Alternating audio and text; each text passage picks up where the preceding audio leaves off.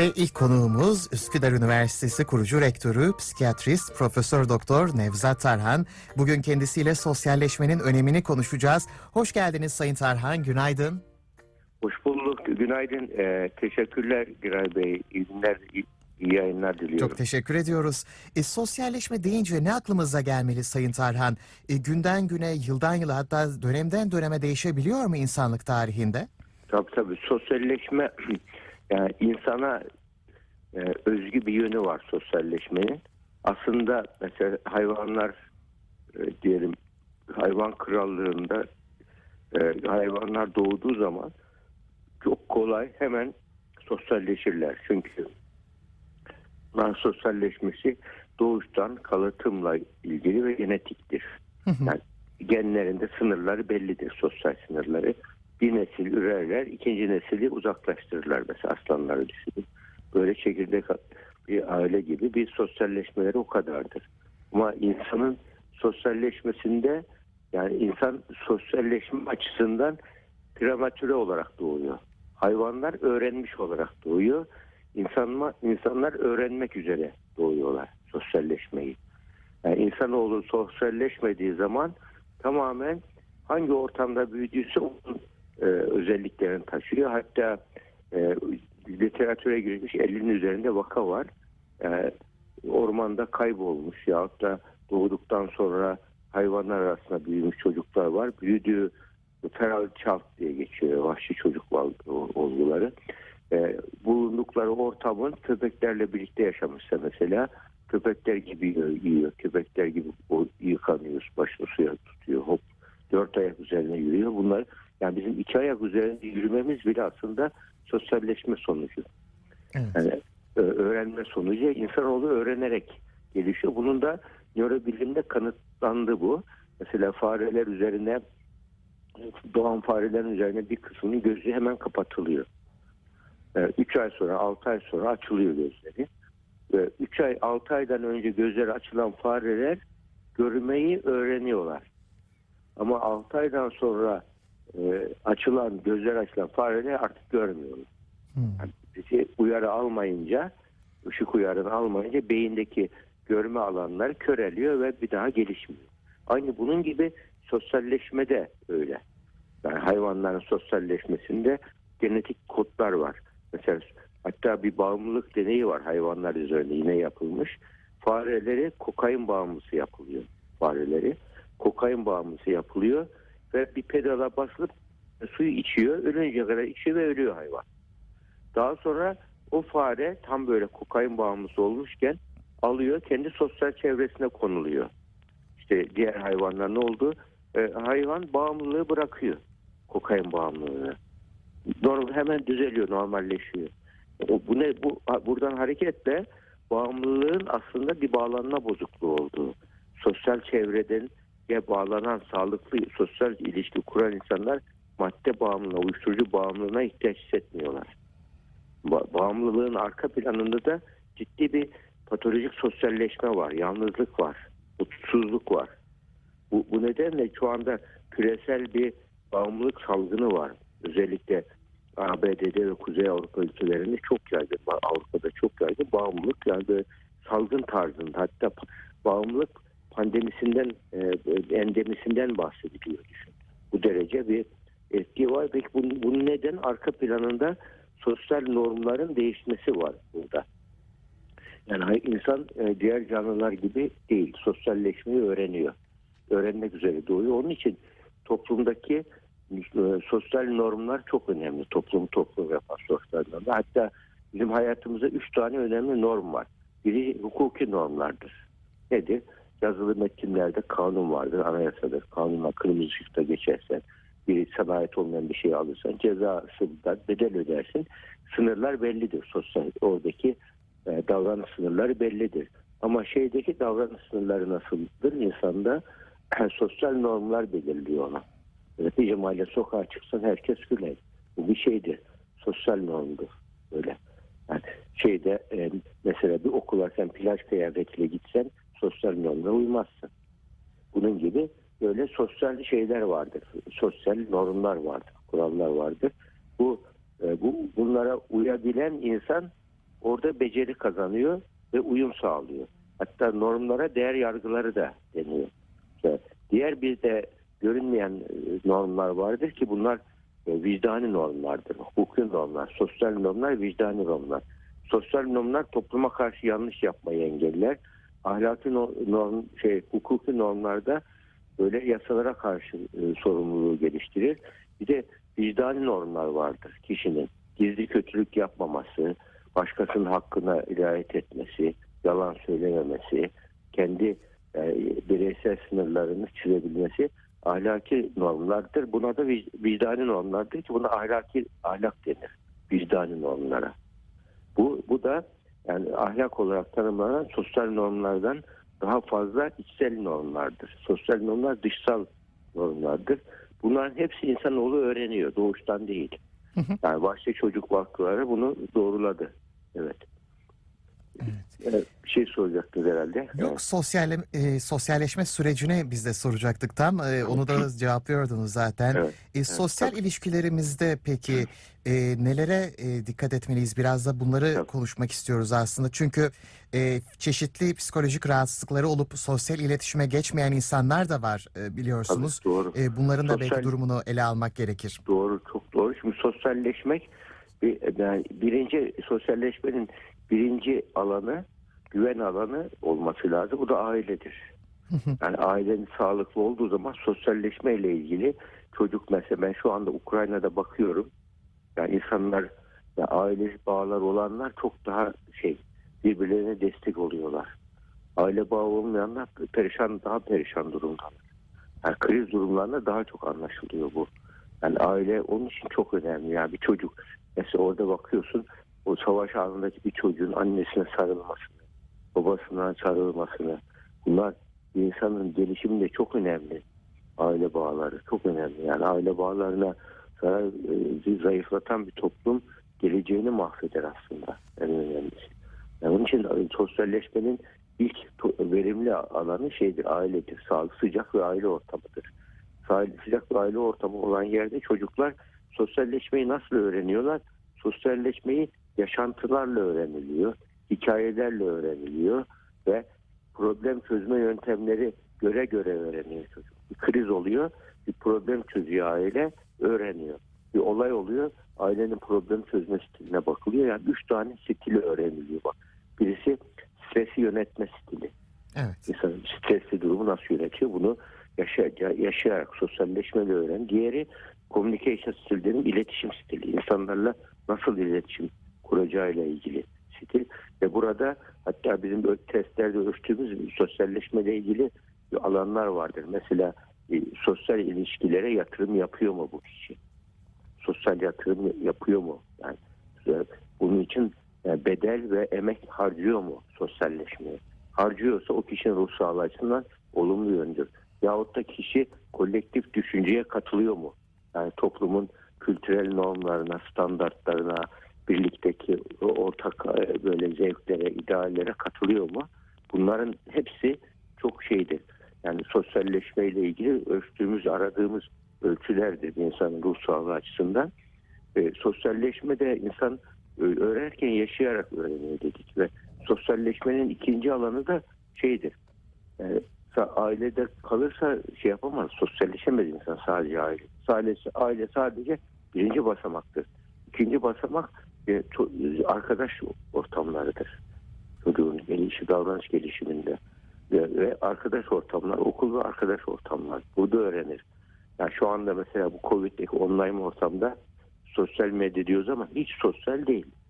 Yani sosyal değil medya. Fiziksel yani sadece yani fiziksel temas olmadan sosyallik olmaz ki.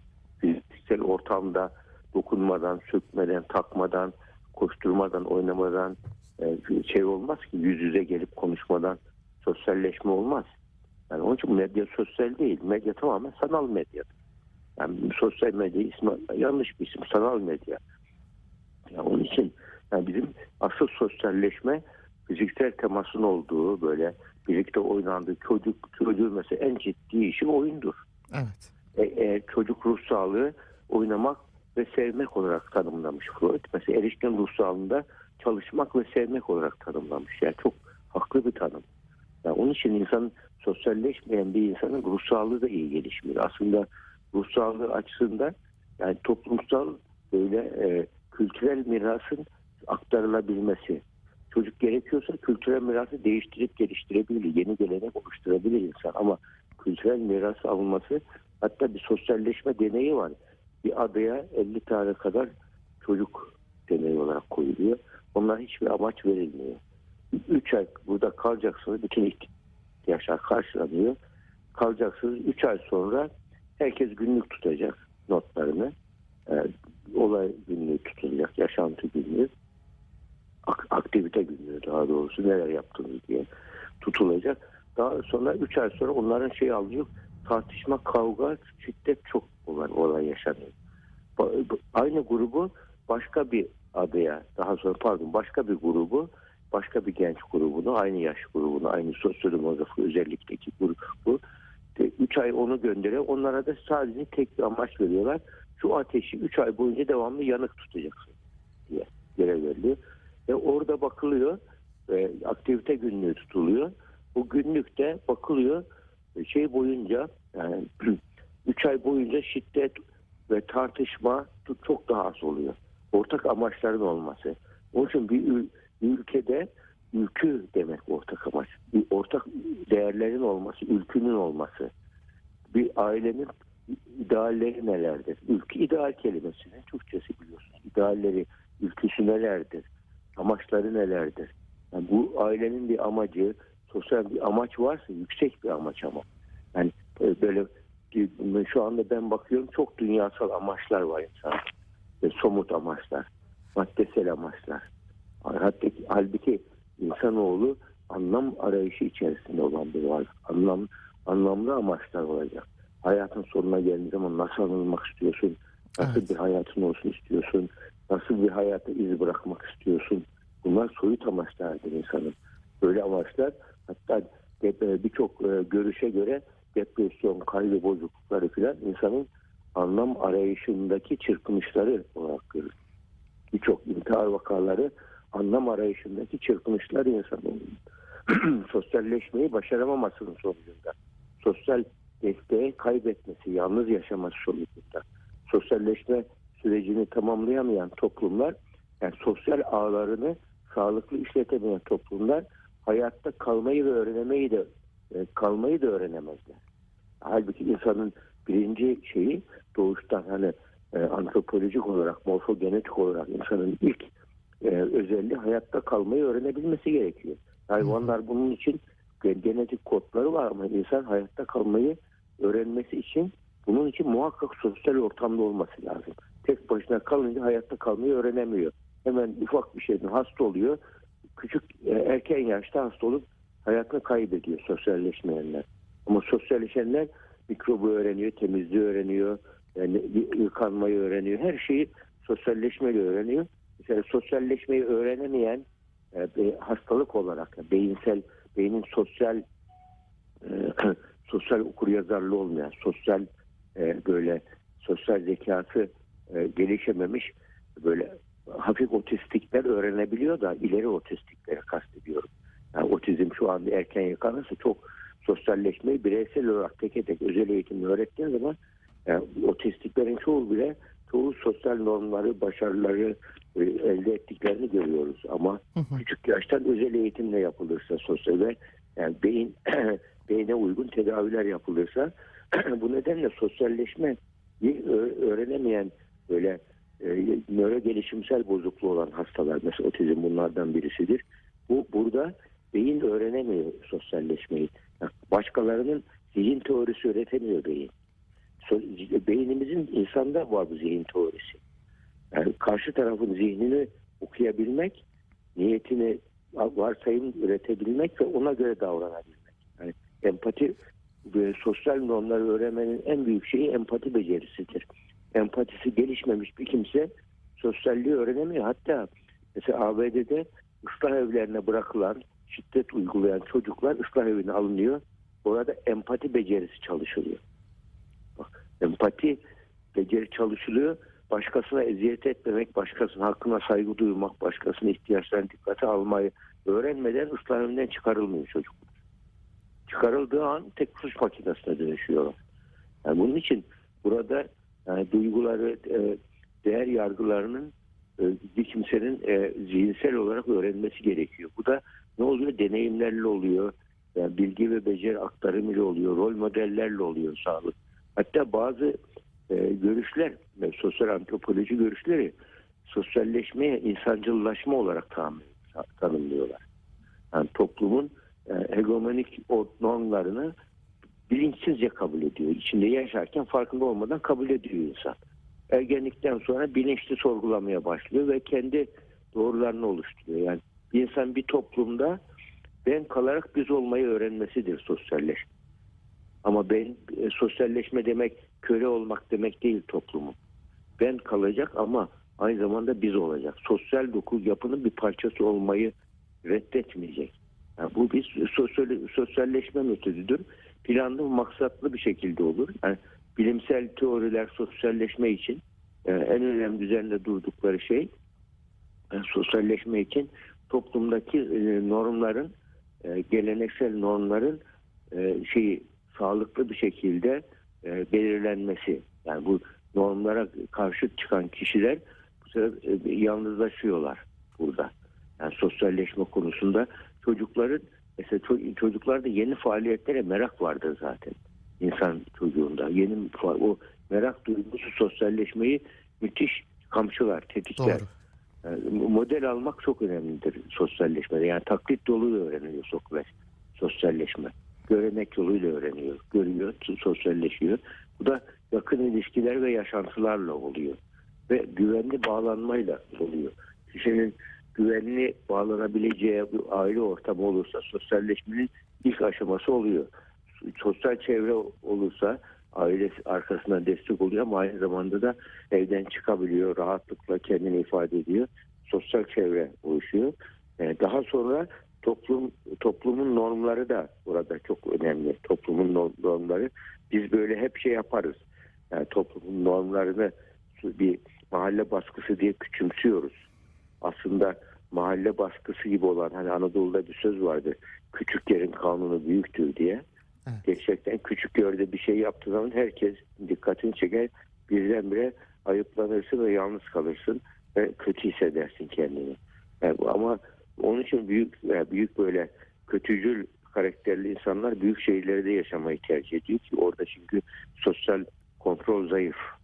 Sosyal kontrol zayıf olduğu için kötülük, kötücül davranış daha hızlı yayılıyor. Yani iyi, ne, iyi ve kötü arasındaki normları da sosyalleşme. Yani insan zihninde beynimizin üzerinde bir zihin var. Bu zihin öğreniyor. Öğreniyor, beyne komut veriyor. Şunu yap, bunu yapma. Doğru kararlar ver, verme tarzında. Yani sosyalleşmede onun için insanın örnek aldığı sosyal normlar, böyle e, toplumdaki e, e, parmakla gösterilen kişiler, bunlar hepsi birer rol modellerdir. Sosyal norm olarak kişinin değer yargılarını etkiliyorlar, değiştiriyorlar. Eğer yanlış örnekler varsa toplumda ya ters kimlik gelişiyor. Mesela baskı otorite olan toplumlarda sosyalleşmede yalan ve ikiyüzlülük öğrenilir. Hmm. Böyle istibdadın olduğu, baskının olduğu, otoritenin, otokrat toplumlarda. Onun için hatta e, şöyle söylenir, toplumlarda eğer bir ailede, e, e, aileyi küçük bir toplum olarak görürsek, ailede eğer adalet yoksa her türlü imkan var fakat adalet yok. Bir çocuk çok korunuyor, öbür çocuk şey oluyor. Orada e, bir şey- barış ortamı olmuyor adalette. Adalet bozulduğu zaman bu ortamda ahlak bozuluyor. Bu sefer yalan söylemeler başlıyor, ikiyüzlükler başlıyor. Anneye babaya yaranmalar başlıyor. Ve bu böyle durumda kayırıyor, dikey koalisyonlar oluşuyor. Anne bir çocuğu tutuyor, baba bir çocuğu tutuyor ve çatışmalı bir ortam, gerilimli bir ortam oluyor. Ama adalet varsa benim hakkım yenmez duygusuyla ahlak ahlaklı davranış devam ediyor. Adalet yoksa hız en ilk bozulan şey ahlaktır adaletin olmadığı yer. Bu da baskı toplumlarında. Baba otoriterse, baba eve geleceğim herkes kaçıyorsa, ondan korku, yani sevgiden daha çok korku duygusu hakim ise orada sosyal norm gelişmiyor. Yalancılık gelişiyor. ikiyüzlülük, münafıklık gelişiyor. Yani münafık bir toplumda çoğalmasını istiyorsanız oraya da baskı otorite uygulayın. Mesela İslam tarihine baktığımız zaman Emevi dönemi istibdat dönemidir. İstibdat dönemi olduğu için bir sürü mezhep parçalanma çıkmış ortaya. İç, iç huzursuzluk çıkmış, kavgalar çıkmış. En büyük fitne çıkmış. Yani Hazreti Osman mesela büyük bir sahabe. Aşeyi mübeşşer eden, Hulafay Raşid'in ama akrabalarını kayırmış. Akrabalarını kayırınca kendisi şey olmuş hani çok büyük güzel şeyler yaptığı için kendi kurtulmuş hem de şehit olmuş. Ama İslam tarihinin en büyük fitnesi başlamış. Yani demek ki arkadaş kayırmacılık, adaletsizlik e, bu sosyalleşmenin en büyük düşmanıdır. Bunu buna adaleti, sosyalleşmeyi adil bir şekilde yapabilmeyi insan öğreniyor. Yani buna tabii e, üzerine durulması gereken ayrı konular. E, konuyu dağıtmak istemiyorum ama sosyalleşme bir annenin bir babanın çocuğu so- sosyalleşmedeki kılavuz rolü önemli. Yani bir anne baba aile büyükleri kaptan gibi olmayacak ailede. Normal kaptan direksiyonda olmayacak. Kılavuz kaptan gibi olacak. Kılavuz kaptan ne yapar? E, Arap şey direksiyonda ya da dümende şey vardır. E, kişi vardır. Kılavuz kaptan yol gösterir. Bunu yaparsan şöyle olur, şuraya dönersen böyle olur, buraya gidersin, şuraya çarparsın gibi yol gösterir. Anne baba da kılavuz kaptan olacak. Çocuğa yol gösterecek, son karar çocuk verecek, o yapacak. Evet. Uymazsa bedelini ödeyecek. Yani onun için biz bakıyoruz bizim toplumda da maalesef direksiyon hep anne oturuyor. Çocuğun bütün ihtiyaçlarını karşılıyor anne. Evet. Çok var bizde. Hele şimdi yeni kuşakta bu Z kuşağında aile, anne baba her şeyi karşılıyor. Çocuğun sosyalleşmesine zarar veriyorsun. Doğru. Çocuk çocuğun bir şeyi yapabilmesi için ihtiyaç hissetmesi lazım. İhtiyaç hissedince istek uyanır. İstek uyanınca motivasyon başlar. E çocuğun bütün ihtiyaçlarını anne baba karşılarsa çocukta niye ihtiyaç hissetsin ki? O zaman tembel bir çocuk çıkıyor ortaya. Tembel, ders çalışmayan, böyle e, immatür dediğimiz böyle pueril dediğimiz çocuksu karakterli şey yetişiyor ve e, emek vermeden yorulmadan kazanmak isteyen bir kişilik ortaya çıkıyor. Konformist, ben merkezci insanlar yetişiyor. Ve Sosyalleşmede onun için en büyük düşman konfortizm ve ben merkezciliktir. Onu söyleyebiliriz. Evet. Süremizi doldurduk galiba. E, çok da güzel bir e, konuşma oldu. Özellikle sosyalleşme çünkü gün- günümüzde daha da büyük sıkıntı bu sosyal medyanın yaygınlaşmasıyla birlikte. Evet. O yüzden özellikle değindik bu hafta. Çok teşekkür ediyoruz. Rica E, ederim. Sayın rica ederim. Tarhan. Kolaylıklar sizlere de İyi- efendim. iyi Sağlıkla kalın. Saygılar. saygılar. Sağ olun.